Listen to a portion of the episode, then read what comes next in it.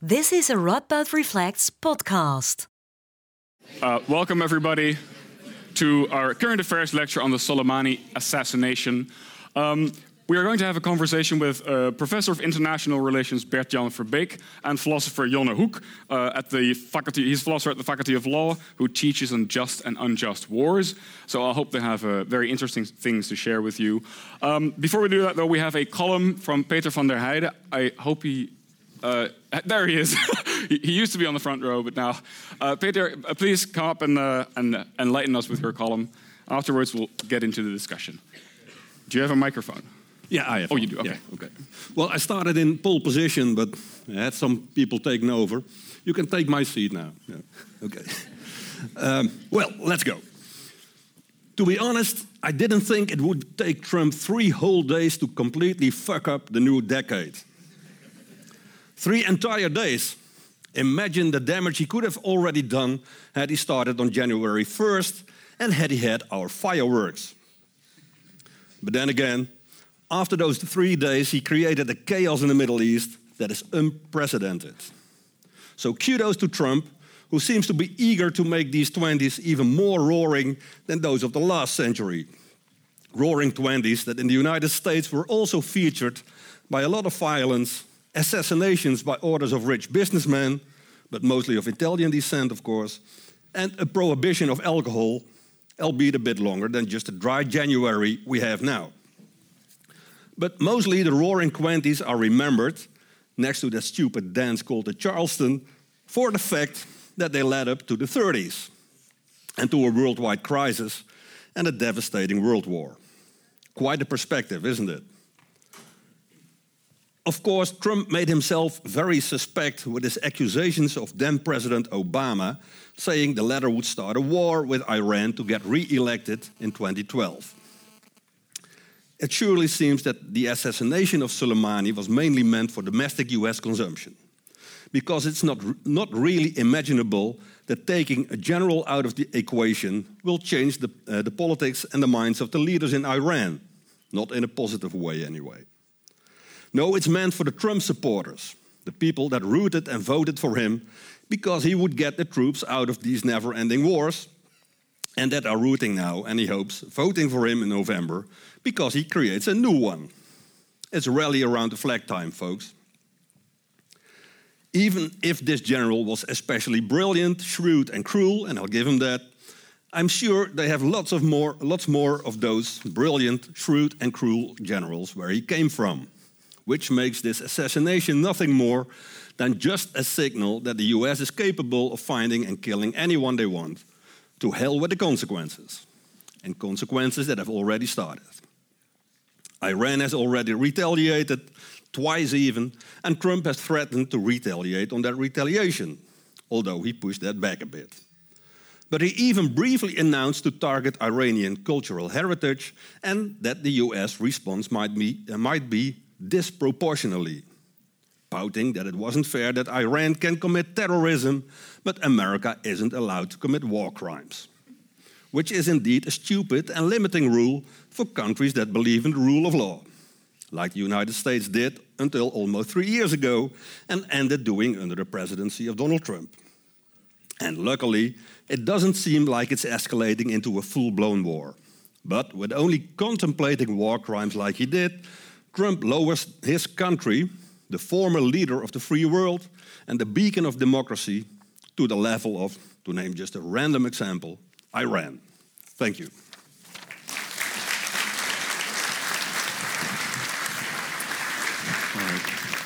Bert-Jan Verbeek, uh, Jonne Hoek, would you please join me on stage? All right. wow, such an entry.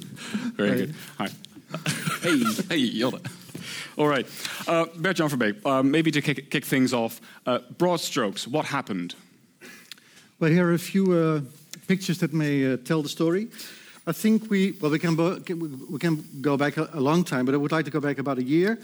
In the spring of uh, 2019, we had the issues with the tankers, you, will, you may remember, which mobilized all, all kinds of countries, including NATO, to patrol the Persian Gulf which itself built on the withdrawal in 2015 by the US from the nuclear agreement with Iran and the increased sanctions. Then in the summer, we witnessed uh, the shooting, the downing by Iran of an American drone, which sort of created a kind of panic uh, in Washington, which was the moment when the Pentagon started preparing specific uh, targets for retaliation. And one says that Trump was then already considering striking, but in the end cancelled such strikes. So there was a further uh, escalation.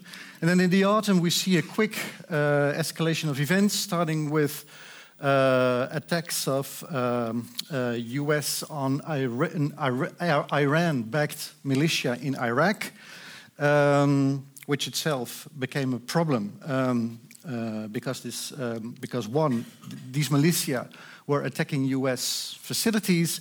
That didn't cause that much casualties until 27th of December, when one contractor, a member of a private military organization, an American person was killed, which triggered then the attack on the pro-Iranian militia in Iraq by the US, provoking the storming of the attempt to storm the US embassy in Baghdad, which provoked the killing of General Soleimani, and then provoked the Iranian retaliation. And that brings us to today or yesterday when there was, uh, after the retaliation, what we call the de escalation of the conflict, because both sides indicated that they didn't want to uh, further escalate and to avoid uh, a path to war.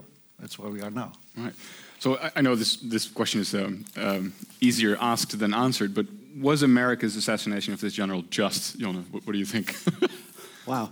Um, um, well, there are a couple of voices you see in the public debate. Um, if you look at the voices of, for instance, uh, Donald Trump, the answer is yes. Though he gives several reasons for it being just. Two mainly. One, it is just because this person uh, had blood on his hands. Hmm. And the other legitimation is that this person was an active, imminent threat to the United States of America, and therefore he should be killed in self defense. Now, those are the two lines of argumentation that Donald Trump gives. Uh, the international lawyers that I've searched on the internet are univocal in their uh, agreement, namely that this was an unjust killing. Okay. Uh, what, what are their arguments? Well, their arguments is that the arguments of Trump uh, and, and which have been taken over by, for instance, uh, Boris Johnson, are, are flawed. Uh, so, mm -hmm. once, for one thing, even though uh, a person has blood on his hands, you cannot go and fly over to Iraq or, or send a drone and kill that person. Mm -hmm. That's not something you can do as, uh, uh as America. Mm -hmm. um, and the second thing is, um, uh, it has not been proven that indeed this general was an imminent threat to America. Mm-hmm. Um, um, so, yeah, therefore, there was no justification for this action. So the international laws, lawyers say. Right. So, Bert-Jan, because we're sitting here now because America assassinated a general, uh, but you say this is one in a long, long string of, of uh, attacks and re- retaliations. But there's a difference now because we're all here now. So, so we were uh, here before, remember? About a few months ago. We, okay, so a few months before. That's true. That's actually, that's actually true. But what makes this what makes this attack more, uh, let's say, extreme uh, than the previous skirmishes? Well, the main difference, of course, that we had a strong sense of feeling all over the world that we might be very close to a, to a real war. Mm -hmm. And that this might escalate very quickly, either because we feel that on, on both sides no one wanted to listen, or because we consider one of the actors, say, someone with maybe who's very quick to act and maybe shoots from the hip, uh, and therefore we, we, might end up in a situation that everyone wants to avoid. Um, in that sense, I, I, guess most of us will be very glad that it seems now to de-escalate. But I, I, do feel that we have to ask various questions. And I think what Jonne points out here is that the, the legal and moral issue of, of, of the justness, and legality of, of the act, also begs the question: why do states use these arguments in the first place? I would say to, to, to build up, of course, uh, uh, uh, support in the international community and with the population. Mm -hmm. At the same time, uh, if, if that's not, let's say, truly uh, legal, uh, according to the, the lawyers, why did it happen and why did it happen now rather than before or later? Mm -hmm. I want to go into the region a little bit. Mm -hmm. so, what is the what is the effect that the attack has has had so far within the region? It, it appears from images in the media that there's been a sort of a uh, it, brought people together within the region mm -hmm. against the United States. I mean, of course, there was already uh, some sentiment against the United States, but is this what was supposed to happen? Well, I'm not sure whether that is true across the line. I mean, in our region, at least, we have mixed feelings about it. Not not everyone fully endorses the, uh, the attack, and the European countries want to continue cooperation with Iran in, over the, its nuclear program. And also in the, the, Middle Eastern region, we find strong supporters, Saudi Arabia, Israel, and people who are much more careful in, in, in their reaction. And I think that relates to because you talk about the consequences, which are important, to, let's say, the deeper causes also of, of what is happening here and what this, this event is an, uh, an example of, I would say. Um, with your permission, sure. I would like to, to go to the, uh, let's say, what we would in my uh, in my discipline we call it the systemic effect. What is happening on the on the level of the balance of power, both in the Middle East and maybe even on the global level. Uh, not sure it works. Yeah, um, we, it's important to realize that um, what has happened uh, is that ever since the 2003 war of the U.S. against Iraq. Uh, and with the implosion of Iraq as a strong state that is an important player in the Middle East, um, Iran has gained influence in the region. And you can see that here, where the, this, it's kind of an assessment by the NRC of which kind of countries sort of align with or feel close to either Iran or its, uh, its counterpart, the US in this case. Um, but that has been, let's say, the structural change in the region. That has been um, frightening countries, particularly like Saudi Arabia, Israel, uh, who fear Iran for their security or for the impact it might have on the Shiite, the sizable Shiite majority, uh, minorities in, in the region, in these various countries.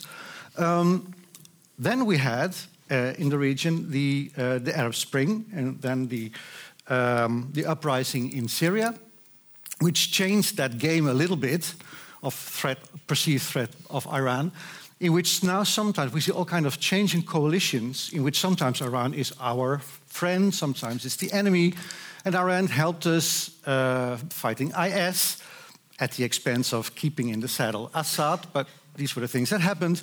And what the point we have reached now actually is that some of these games are temporarily ended. Assad is in power. Uh, IS has been reduced, uh, uh, and the, what is conceived by some countries as the problem of the Kurds, is contained by Turkey with its intervention earlier this year. So we're back to zero. That is, what's now the real problem perceived by some countries? It's the influence of Iraq, uh, Iran. Hmm. So, in that sense, in, the, in, answering the timing, why is there now a, a problem? Um, the longer story is that we're back at the old game. And in that sense, I would say that the assassination is a signal, in a way, to Iran, so to speak, like, hey, we know, uh, remember what is the game that had been there all the time. Added to that, what you see here, other inter- oh, yeah, is the problem of China. Because I think what is happening also now is the well, China, of course, is gaining influence anyway in the world, but it's also entering the Middle Eastern problem. You see to the right naval facilities of India, China, and the US. And although China, is slowly moving westward, so to speak, with, it, with its naval power, Pakistan it has a, a base, uh, Djibouti. Um, and we know uh, that China and Iran has been, have been intensifying their cooperation. And I think one more trigger that might have occurred in this whole situation have been the exercises at the end of December, naval exercises between China, Russia, and Iran which sort of is a can be perceived, to be put in that way, from Washington's perspective, as hey, Iran is really moving closer now to China, and they're also cooperating with Russia, and so perceiving an even bigger mm-hmm. challenge, if you want, to the American position in the Middle East. Uh, so these, I would say, are the, the structural features that underlie the, the escalation that we have seen uh, in the past days from what I've read in the media the past couple of days, it doesn't seem like the United States administration is very well aware of this game that was being played. Uh, do you think this is a continuation of, of, of a strategy by the US? Or, or, do you think this just happened because it was on a list or because someone just presented a, a too extreme option to Donald Trump and he just said, let's go for it? Well, I wouldn't say that they have been planning this months ahead. I mean, we do know that the military prepare for certain kind of actions that they target specific facilities, for specific groups, specific individuals, but that uh, somehow there has to, uh, an opportunity has to present itself in a way. And that is often a coincidence of all kinds of, of features. I would say this naval exercise plays into part. The fact that an American uh, uh citizen was killed by an Iranian backed militia. So if, if an American citizen is killed, you have to somehow show strength, or you, you cannot lose face. That, that, that puts pressure on a president, so to speak. And of course, domestically speaking, uh, it's a president that is facing impeachment. Mm. And the impeachment process has been intensifying. It's now being discussed in this, how to do it in the Senate. Uh, we can go, get into that later. But it, it, presents itself as a moment at which there is at least strong incentives for an American president to act forcefully, to look justifiable in the sense that we're getting rid of a terrorist. Mm-hmm. We're legal anyway because, uh, because it's self defense. Um, Second Amendment. We're, we're protecting our citizens. Mm-hmm. Uh, and of course, in terms of domestic politics, which Democrat could say the president is doing a bad thing uh, if he is protecting American lives? Right. So it, it, and it draws attention away from, from the impeachment process and presents it gives him possibly the, the possibility to present himself as a, a strong uh, leader of the country. Because, right. of course, uh, when you ask the United States, they would say that this is not an attack on Iran, right? Not an attack on a country. Mm -hmm. This was an assassination of a terrorist. So how can they say that?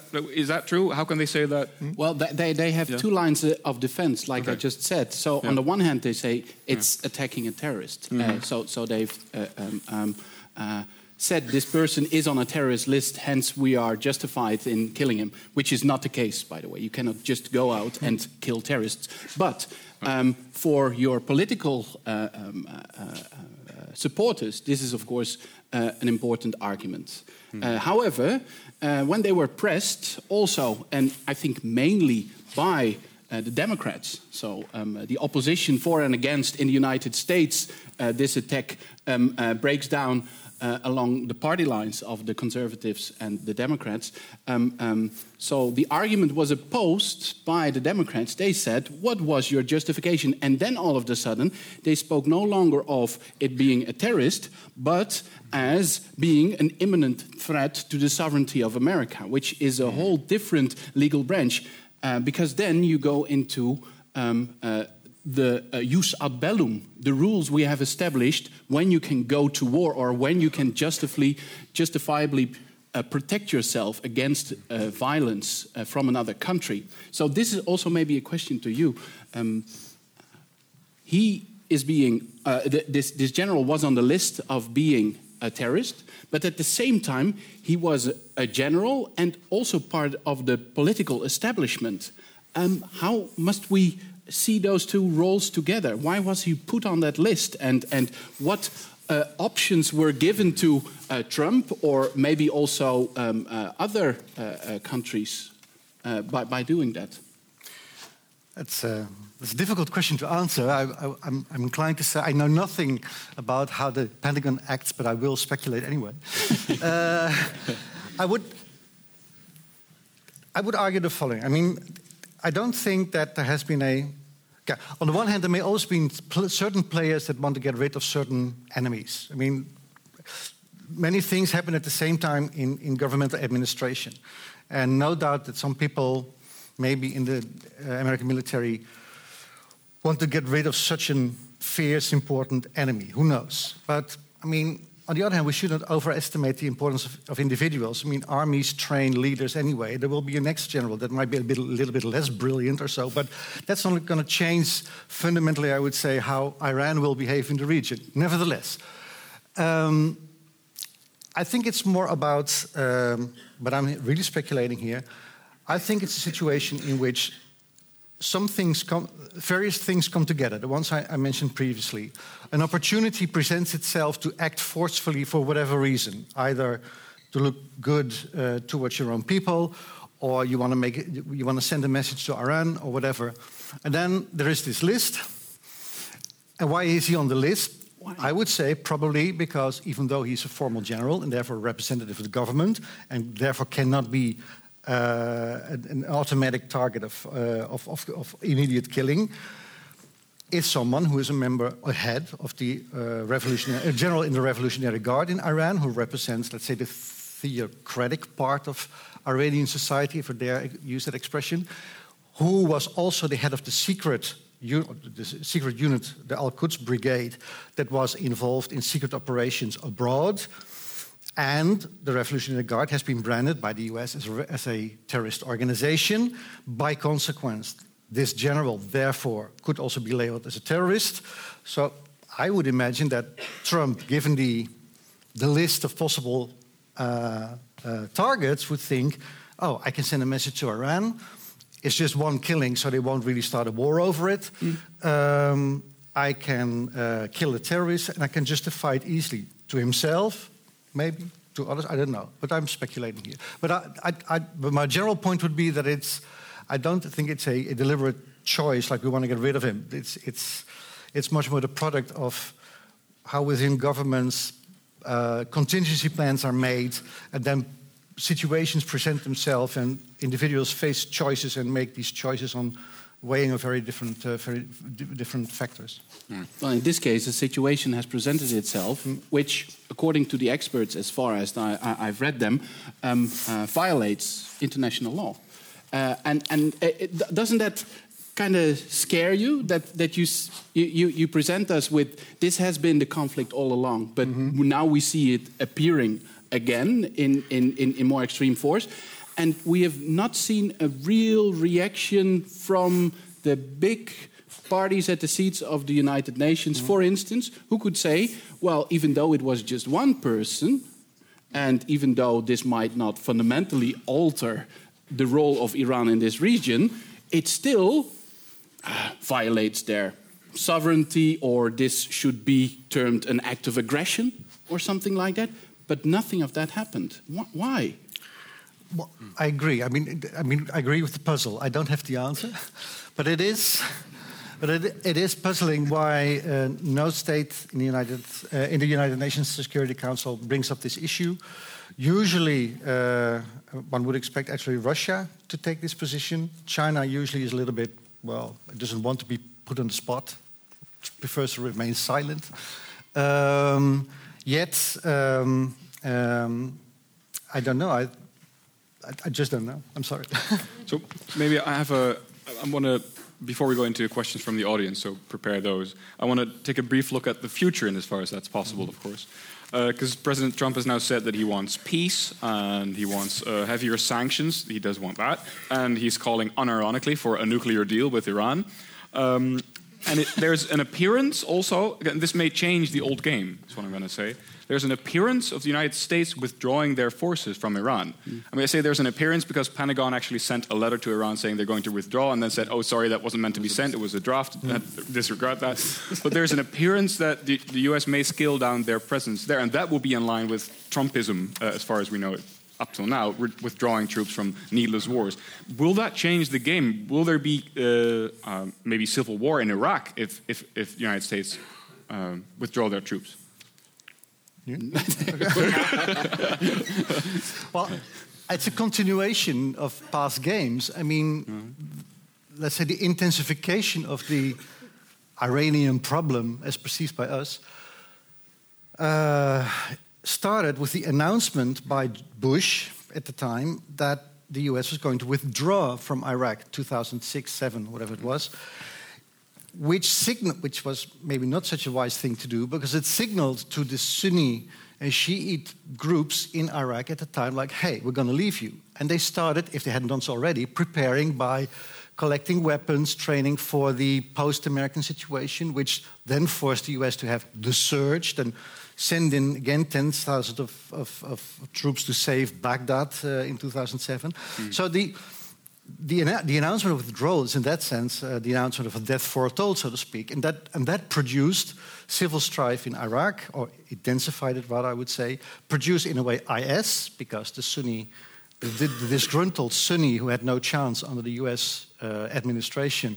uh, then uh, organized and IS took over that and well, we know what, what followed.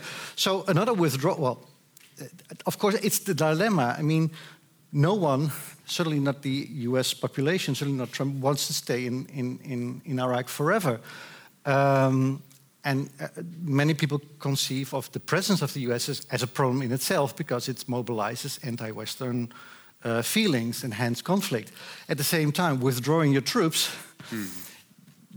Without Iraq having been restored as a, a truly, uh, let's say, sovereign state in the sense of a state that has full control with the, the rule of law and a, a working civil service and a, a, secure state is likely to reproduce, let's say, fighting with, with, uh, among the major groups.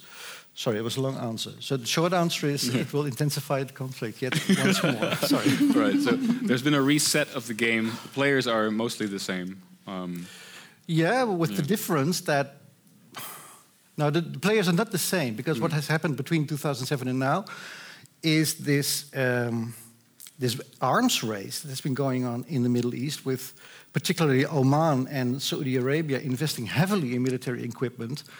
In uh, Saudi Arabia, engaged in a in a war that costs thousands and thousands of lives in Yemen, which is not likely to end very soon, a situation in which another thing that always plays into this conflict is the Israeli Palestinian conflict has been more locked up than ever, ever since the Trump administration is withdrawing mm. as more and more from the, the official two state uh, uh, policy that, that had been in place since 2003 officially. Um, so, in that sense, the situation is worse, I would say. Yeah, yeah. yeah. And, and of course, Iran is now uh, very much bent on uh, enriching as much uranium um, as they can. And well, do you think there's a risk that Iran will develop a nuclear weapon now? I would rather say that we, we haven't talked about Iran itself that much. Mm. I mean, it's important to realize that within Iran there are at least at least two major factions regarding Iranian foreign policy. One faction that wants that sees itself as the representation of the Iranian revolution, and that doesn't want to be aligned to the world, but want to at least to preserve the Iranian revolution's values and maybe export it to other countries that well, could argue about that, of which the Revolutionary Guard is an exponent. Mm. And there is a group that we call the realists that think that economic development is important, that, that the promotion of welfare for, the, for a population uh, is very much important.